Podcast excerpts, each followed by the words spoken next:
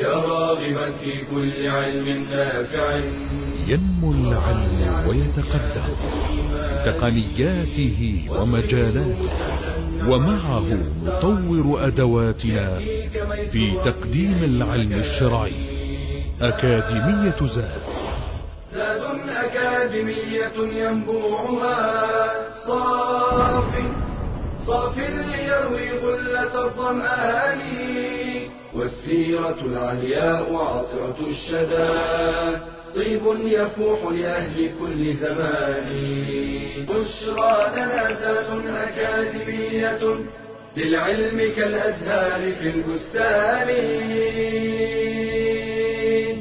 بسم الله الرحمن الرحيم. الحمد لله رب العالمين.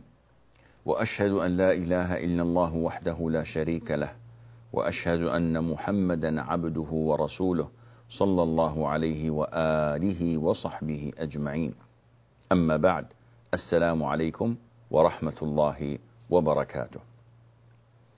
النبي صلى الله عليه وآله وسلم هو أكمل البشر ومن كمال بشريته عليه الصلاة والسلام أنه لم يكن كالصخر لا أحاسيس له. قد ترى من الناس ومن الرجال من لا يتأثر من لا يضحك من لا تظهر مشاعره. وهذا مرض هذا ليس بالأمر السليم. فإن أكمل الرجال من ملئ بالأحاسيس والمشاعر. يفرح إن كان هنالك سبب للفرح الشرعي ولا يطو ويحزن إن كان هنالك سبب للحزن. النبي عليه الصلاة والسلام كان يضحك وكان يمازح أصحابه لا كما يريد البعض من هذا الدين أن يكون دينا متماوتا لا مزح فيه ولا ضحك ولا لعب أبدا. الدين فيه هذه الأمور كلها. ولكنه كان عليه الصلاة والسلام بالمقابل يبكي. وهذا البكاء ليس عيبا عند الرجال بل هو ميزة. فسيد الرجال كان يبكي عليه الصلاة والسلام لكنه لم يكن يبكي من ضعف لم يكن يبكي من أجل أمور تافهة إنما حتى في بكائه كان في عبادة لربه عز وجل. يقول ابن القيم رحمه الله وكان عليه الصلاة والسلام بكاؤه تارة رحمة للميت وتارة خوفا على أمته وشفقة عليها وتارة من خشية الله وتارة عند سماع القرآن وهو بكاء بكاء اشتياق ومحبة وإجلال مصاحب للخوف والخشية.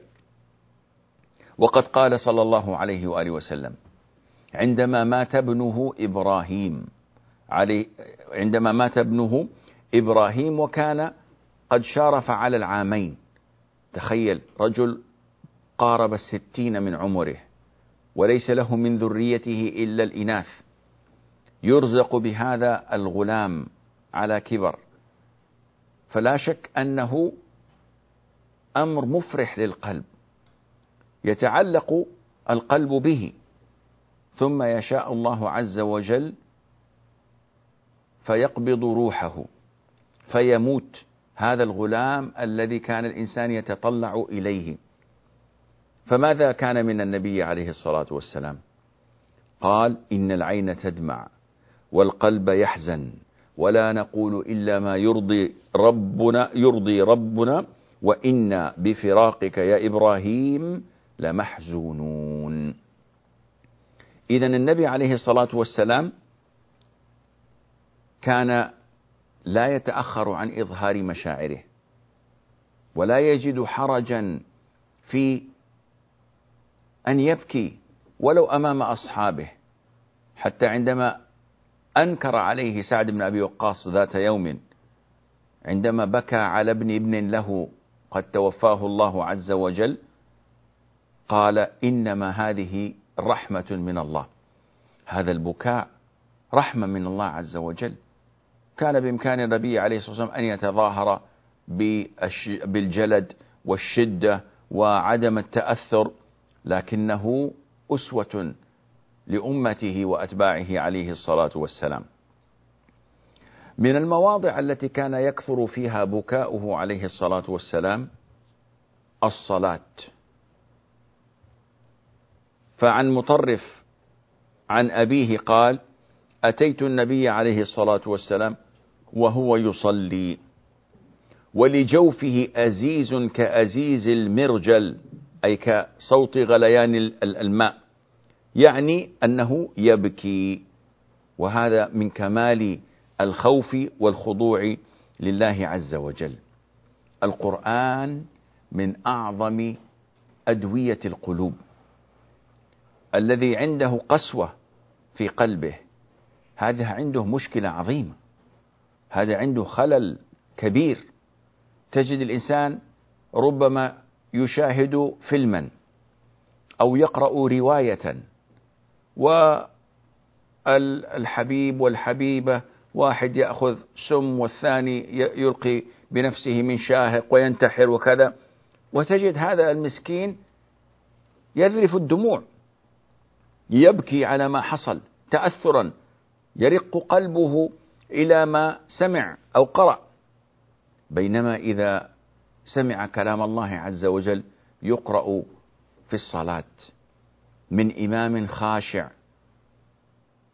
والناس حوله, حوله يبكون ويذرفون الدموع وهو ينظر حوله متعجبا. ما الذي حصل؟ من الذي مات؟ لماذا يبكي الناس؟ هذا البكاء. هذا المسكين ما يدري أن قلبه قد مات وهم يصلون عليه ويدفنونه. هذا البكاء أنت إن لم تستشعره فإن قلبك أشد قسوة من الحجارة. مع أن الحجارة منها ما يتفجر منه الماء. ويتشقق ويشقق منه الأنهار ويهبط من خشية هذه الحجارة. لكن قلوبنا نسأل الله العافية أشد قسوة كالحجارة أو أشد قسوة. القرآن إذا قرأه المسلم بتفكر وتدبر وتأمل قربه من ربه. والحديث يدل على أن البكاء لا يبطل الصلاة. له أزيز كأزيز المرجل. البكاء لا يبطل الصلاة سواء ظهر منه حرفان أو أكثر أو أو لا. يقول شيخ الإسلام فإن هذا لا يسمى كلاما في اللغة التي خاطبنا بها النبي عليه الصلاة والسلام. فلا يتناوله فلا يتناوله عموم النهي عن الكلام في الصلاة. بمعنى أن الإنسان إذا بكى ربما يخرج من فمه حرف أو حرفان من البكاء وهذا ليس بكلام. بعض المذاهب تقول الصلاة تبطل. وهذا غير صحيح لأنه ليس من الكلام المعروف لكن يتنبه المسلم إلى أن البكاء يكون من خشية الله وأن لا يصحبه كما يفعل البعض من نحيب وارتفاع في الصوت وربما كلام يخرج الصلاة عن صحتها. البكاء المحمود هو ما كان مكبوتا وخالصا لله عز وجل.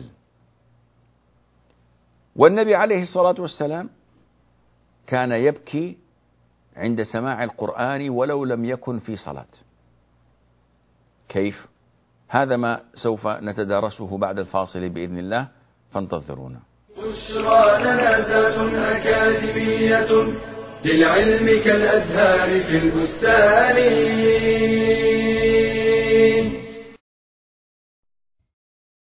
قد وصل بي الحال إلى الغفلة عن الطاعة والتكاسل في أدائها وكأني لا أشتاق إلى جنة ولا أرهب نارا ولا أخشى أن يتخطفني الموت في أي لحظة ولا أدري ماذا أفعل.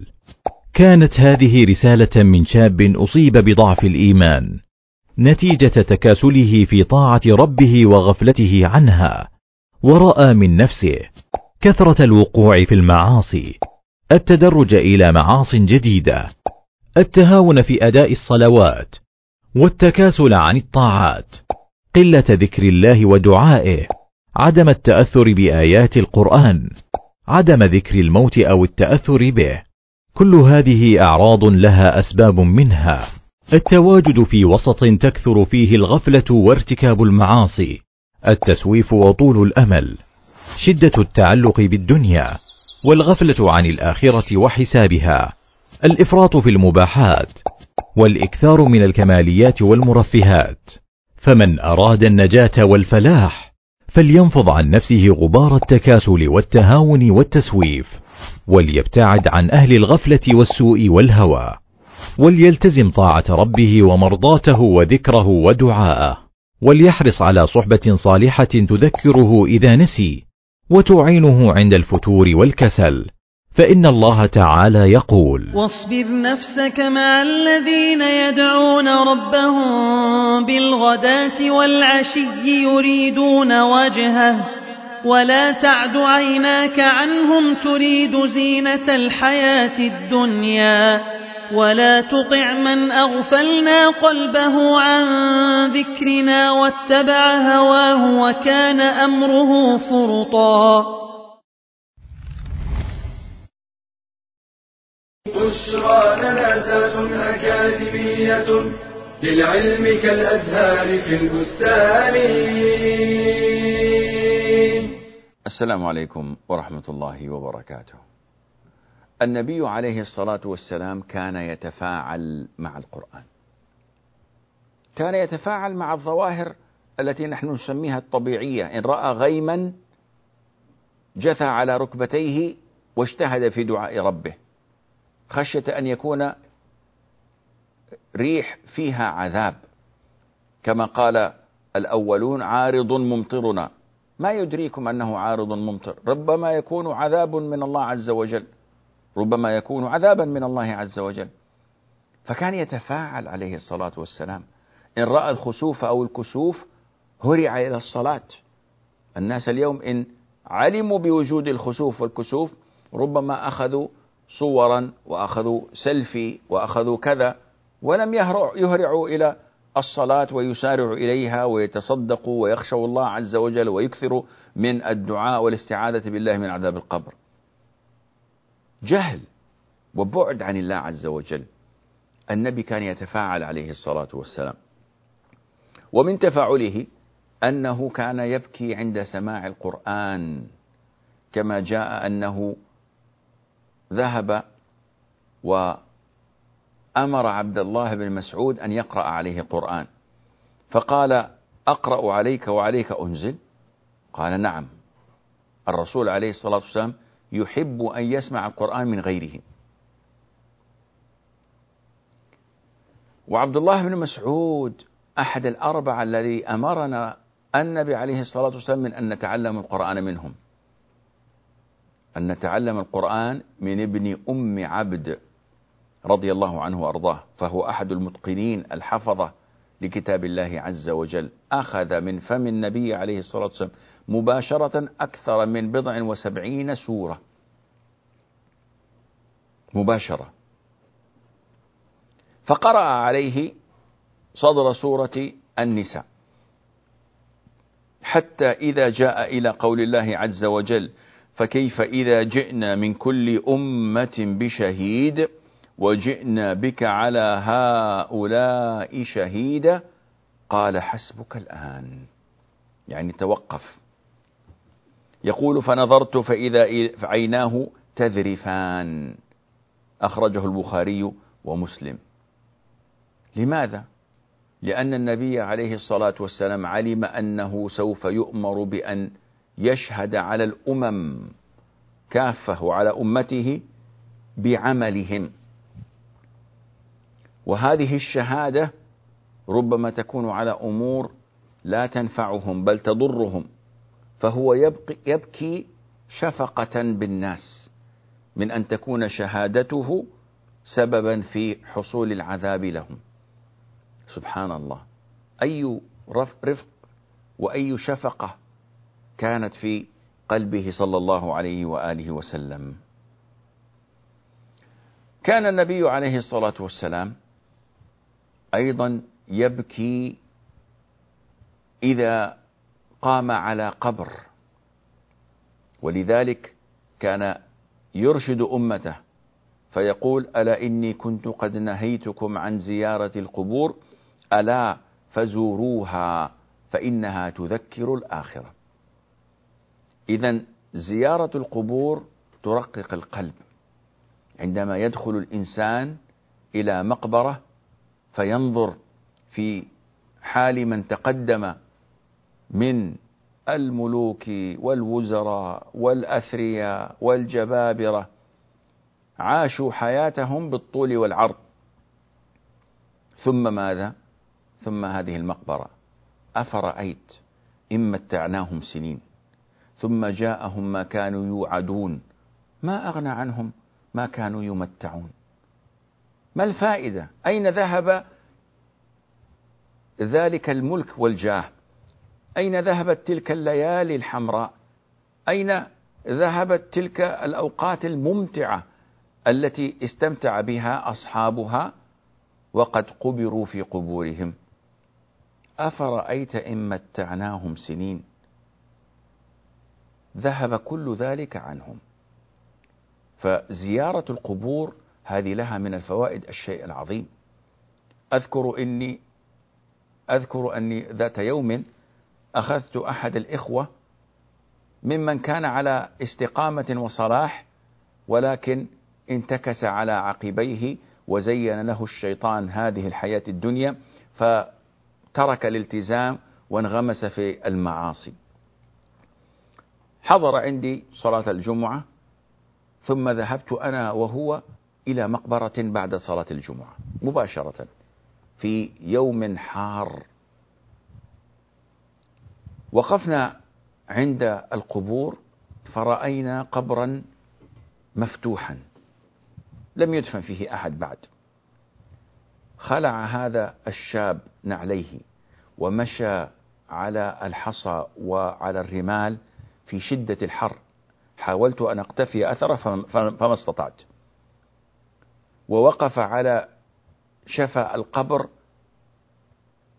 عشر دقائق أو ربع ساعة يبكي بكاء مريرا.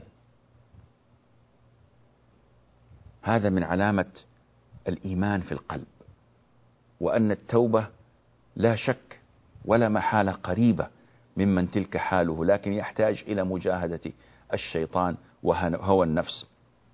البراء بن عازب رضي الله عنه يقول كنا مع النبي صلى الله عليه وآله وسلم في جنازة فجلس على شفير القبر أي على طرفه فبكى حتى بل الثرى. هذا رجل غفر له ما تقدم من ذنبه وما تأخر لكنه التفاعل مع ما يرى. ثم قال يا إخواني لمثل هذا فأعدوا. أي لمثل يوم نزولكم إلى القبر استعدوا وأعدوا الزاد. ليوم السفر الطويل. أنتم اليوم تدخلون المقبرة حاملين وسوف تدخلونها غدا محمولين. تفاعل مع ما يرى عليه الصلاة والسلام. وكان عليه الصلاة والسلام يبكي شفقة بأمته. أي رحمة هذه؟ أن تبكي خوفا على غيرك. قد يبكي الإنسان منا خوفا على وظيفته خوفا على ولده خوفا على حبيب له. لكن أن يبكي لما يرى من أحوال الأمة الإسلامية قاطبة وهم يضطهدون يقتلون يشردون تكاد لهم المكائد.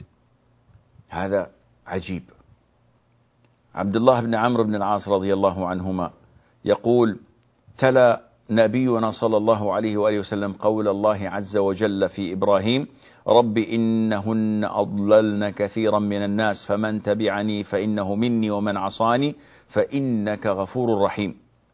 وقال عز وجل في عيسى عليه الصلاة والسلام إن تعذبهم فإنهم عبادك وإن تغفر لهم فإنك أنت العزيز الحكيم. فرفع نبينا عليه الصلاة والسلام بعد هاتين الآيتين يديه وقال اللهم أمتي أمتي وبكى. لا إله إلا الله. يبكي عليه الصلاة والسلام من أجلنا. فماذا فعلنا نحن من أجل ديننا؟ بل ماذا فعلنا من أجل أنفسنا؟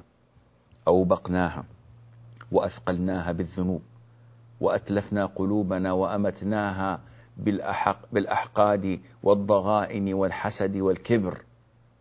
الرسول يناجي ربه أمتي أمتي ويبكي. قال الله عز وجل لجبريل يا جبريل اذهب إلى محمد وربك أعلم فسله ما يبكيك. فأتاه جبريل فسأله. فأخبره رسولنا عليه الصلاة والسلام بما قال وهو أعلم. الله عز وجل أعلم بذلك. فقال الله يا جبريل اذهب إلى محمد. فقل إنا سنرضيك في أمتك ولا نسوءك. شوف البكاء هذا له فائدة. التضرع والتذلل والخشوع والإخبات لله عز وجل لا يخلو من أن تكون له فائدة عظيمة. الله عز وجل قال لنبيه عليه الصلاة والسلام سنرضيك في أمتك ولا نسوءك. الإمام النووي يقول هذا الحديث مشتمل على أنواع من الفوائد منها بيان كمال شفقته عليه الصلاة والسلام على أمته واعتنائه بمصالحهم واهتمامه بأمرهم ومنها البشارة العظيمة لهذه الأمة. زادها الله تعالى شرفا بما وعدها الله بقوله سنرضيك في أمتك ولا نسوءك.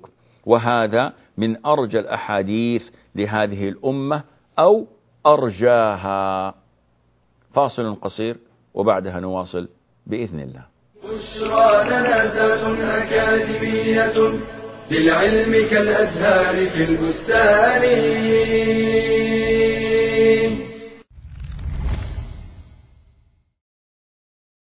لقد شرع الله الدين للناس رجالا ونساء ووعد الجميع الجنة والحياة الطيبة إذا قام بواجبه.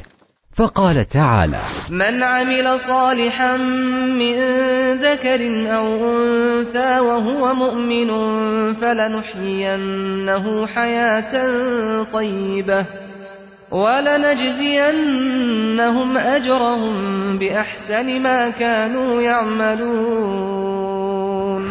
وقد جاء الإسلام فأكرم المرأة وحملها مع الرجل مسؤولية النهوض بالمجتمع. وحسن الرعاية له. فقال عليه الصلاة والسلام كلكم راع وكلكم مسؤول عن رعيته. وقد شغلت المرأة في العهد النبوي وما بعده مكانا رفيعا بمشاركاتها العلمية والاجتماعية والتربوية. وتصدر اسمها في قائمة المساهمين في بناء المجتمع وصياغة هوية الأمة والمحافظة على ثوابت الدين. ولا زال التاريخ يذكر أم المؤمنين خديجة وأم المؤمنين عائشة ونسيبة بنت كعب وأم حرام بنت ملحان وحفصة بنت سيرين وفاطمة بنت عبد الملك وزبيدة بنت جعفر وغيرهن رضي الله عنهن ورحمهن. ومن هنا كان للمرأة المسلمة دورها المهم والخطير في صياغة المجتمع. مما أكسبها قيمة واعتبارا واحتراما لا مثيل له في المجتمعات الأخرى كما اعترف بذلك المنصفون من الغربيين وبأنهم إنما تعلموا احترام المرأة من مسلمي الأندلس. يقول المفكر الفرنسي مارسيل بويزارد إن الشعراء من المسلمين هم الذين علموا مسيحي أوروبا عبر اسبانيا احترام المرأة.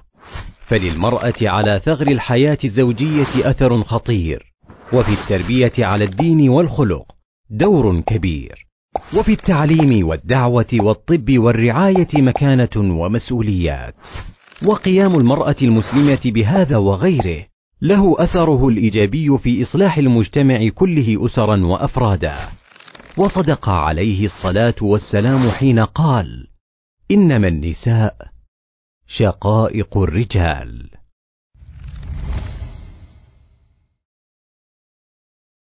بشرى لنا أكاديمية للعلم كالأزهار في البستان. السلام عليكم ورحمة الله وبركاته. النبي عليه الصلاة والسلام كما تقدم مرارا وتكرارا هو أكمل البشر.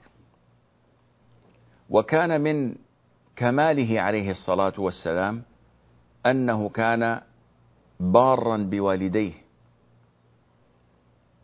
ولم يجعله رب ربنا عز وجل جبارا عصيا شقيا. فكانت هذه المشاعر تظهر عليه. دفنت أمه بالابواء منطقة بين مكة والمدينة. وهي أقرب إلى المدينة.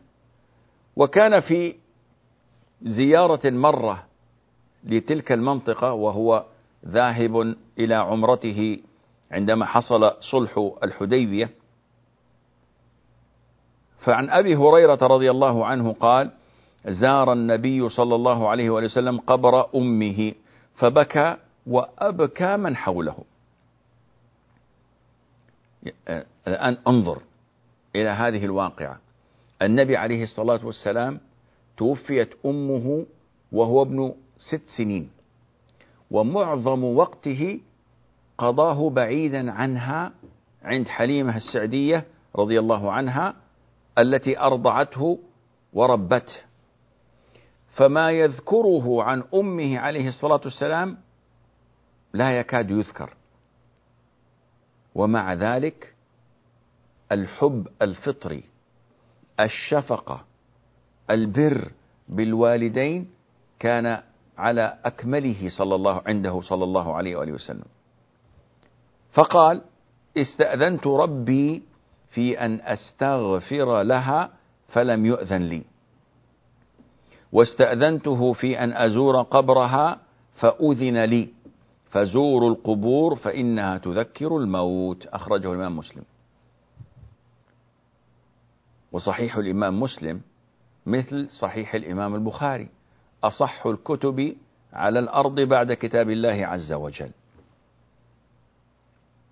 هذا الحديث فيه إظهار كمال شفقته بأمه وحبه لها لأنها لم ييسر الله عز وجل أن تدرك ولدها. وقد نبئ وأرسل فتؤمن به. فلما فاتها من الإيمان به كان عليه الصلاة والسلام يبكي من أجلها. وكثيرا ما تجد من الطوائف الضالة من ينكر مسألة أن أبوي النبي عليه الصلاة والسلام في النار. فقد جاء في صحيح الإمام مسلم أن رجلا قال يا رسول الله أين أبي؟ فقال له أبوك في النار. ثم قال للرجل إن أبي وأباك في النار. وهذا الحديث في شأن الاستغفار لأمه الذي منع عنه النبي عليه الصلاة والسلام. فيأتي آت ويقول النبي عليه الصلاة والسلام والداه من أهل الفترة. فلا نقبل هذا الحديث. ونرد يا أخي كيف ترد حديثا في صحيح الإمام مسلم؟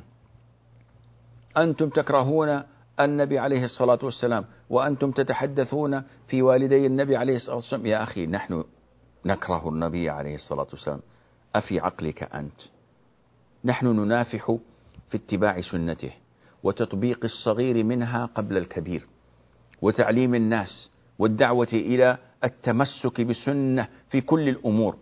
وتتهمون بكراهية السنة أو بكراهية النبي أما تتقي الله عز وجل.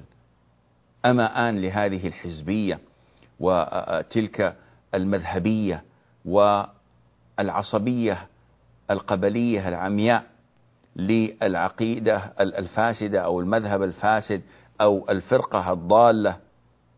أما آن لهذا كله أن ينتهي. والله ما أحب على قلوبنا من أن يكون والدي النبي عليه الصلاة والسلام في الجنة إرضاء للنبي عليه الصلاة والسلام. لكن الأمر ليس بأيدينا. والأمر هو الذي أخبرنا عنه نبينا صلى الله عليه وآله وسلم. فكيف يجوز لنا أن نعرض عن تعليمه وعن قوله؟ النبي عليه الصلاة والسلام أخبرنا. أما لماذا فعلم ذلك عند ربي عز وجل؟ من أهل العلم من قالوا إنهم ليسوا من أهل الفترة لأن كانت لديهم معتقدات إبراهيم عليه الصلاة والسلام فهم أهل البيت الحرام وهم حاضريه وكانت عندهم تعاليم الحنفية السمحة وما بدلها إلا عبد الله بن جدعان عندما سيب السائمة وأدخل عليهم الأصنام ونحو ذلك وإلا فأصل الدين موجود. ولذلك زيد بن عمرو بن نفيل القرشي العدوي القرشي كان على التوحيد. ورقة بن نوفل كان على التوحيد فكان هنالك أناس على التوحيد. فمن أعرض عن التوحيد فقد أعرض عن دين كان موجودا. ولكن أن يغلو الناس فيقولوا إن الله أحيا أبوي النبي عليه الصلاة والسلام وأبا طالب كي يسلموا ثم أماتهم مرة أخرى. هذا كلام لا دليل عليه. ولا يجوز للمسلم أن يتحدث عنه. كذلك من أسباب بكائه عليه الصلاة والسلام تأمله ومناجاته في كتاب الله عز وجل وفي عظمته سبحانه وتعالى. عن عطاء قال دخلت أنا وعبد الله بن عمر وعبيد بن عمير على عائشة. فقال ابن عمر رضي الله عنهما حدثيني بأعجب ما رأيت من رسول الله صلى الله عليه وآله وسلم. فبكت رضي الله عنها ثم قالت كل أمره كان عجبا. أتاني في ليلتي حتى إذا دخل معي في لحافي وألصق جلده بجلدي فقال يا عائشة أتأذنين في عبادة ربي؟ فقلت إني لا أحب قربك وهواك. يعني أنا أحب أن أقرب منك لكن أحب أيضا ما تهواه من عبادة ربك. قالت فقام إلى قربة في البيت فلم يكثر صب الماء ثم قام فقرأ القرآن. قالت ثم بكى حتى رأيت دموعه بلت حجزته. ثم اتكى على جنبه الأيمن. ثم وضع يده اليمنى تحت خده. تحت خده ثم بكى حتى رأيت دموعه قد بلت الأرض. أي بكاء هذا؟ وممن؟ ممن غفر الله له ما تقدم من ذنبه وما تأخر. فجاءه بلال رضي الله عنه يؤذنه بالصلاة فرآه يبكي فقال يا رسول الله أتبكي؟ وقد غفر الله لك ما تقدم من ذنبك وما تأخر؟ قال أفلا أكون عبدا شكورا؟ إذا البكاء هذا من شكر الله عز وجل. ثم قال وما لي لا أبكي وقد أنزل الله علي الليلة إن في خلق السماوات والأرض واختلاف الليل والنهار لآيات لأولي الألباب. إذا بكاؤه عليه الصلاة والسلام قمة في التفاعل مع كتاب الله عز وجل والتأمل في مخلوقاته وعظيم خلقه سبحانه وتعالى لهذا الكون الفسيح. لو نظر الإنسان إلى آيات الله الكونية وتأمل في آيات الله الشرعية لوجد خيرا عظيما. وكان عليه الصلاة والسلام. إن دعا ربه واجتهد في الدعاء بكى. خوفا ورجاء. فعن علي بن أبي طالب رضي الله عنه قال لقد رأيتنا وما فينا قائم أي يوم بدر إلا رسول الله صلى الله عليه وآله وسلم. ما فينا قائم كلنا نائمون. ليلة بدر قبل التقاء الجمعان إلا رسول الله عليه الصلاة والسلام تحت شجرة يصلي ويبكي حتى أصبح. وهذه حال المسلم إن نزل بك بلاء إن خفت شيئا فالجأ إلى الله ففروا إلى الله. وابكي واجتهد تدرك حاجتك لا محالة. هذا والله أعلم ونسبة العلم إليه أسلم. وصلى الله وسلم وبارك على عبده ورسوله نبينا محمد وعلى آله وصحبه أجمعين. يا راغبا في كل علم نافع متطلعا لزيادة الإيمان وتريد سهلا النوال ميسرا يأتيك ميسورا بأي مكان. زاد زاد أكاديمية ينبوعها صاف. صاف ليروي غلة الظمآن. والسيرة العلياء عطرة الشدى. طيب يفوح لأهل كل زمان. بشرى لنا ذات أكاديمية للعلم كالأزهار في البستان.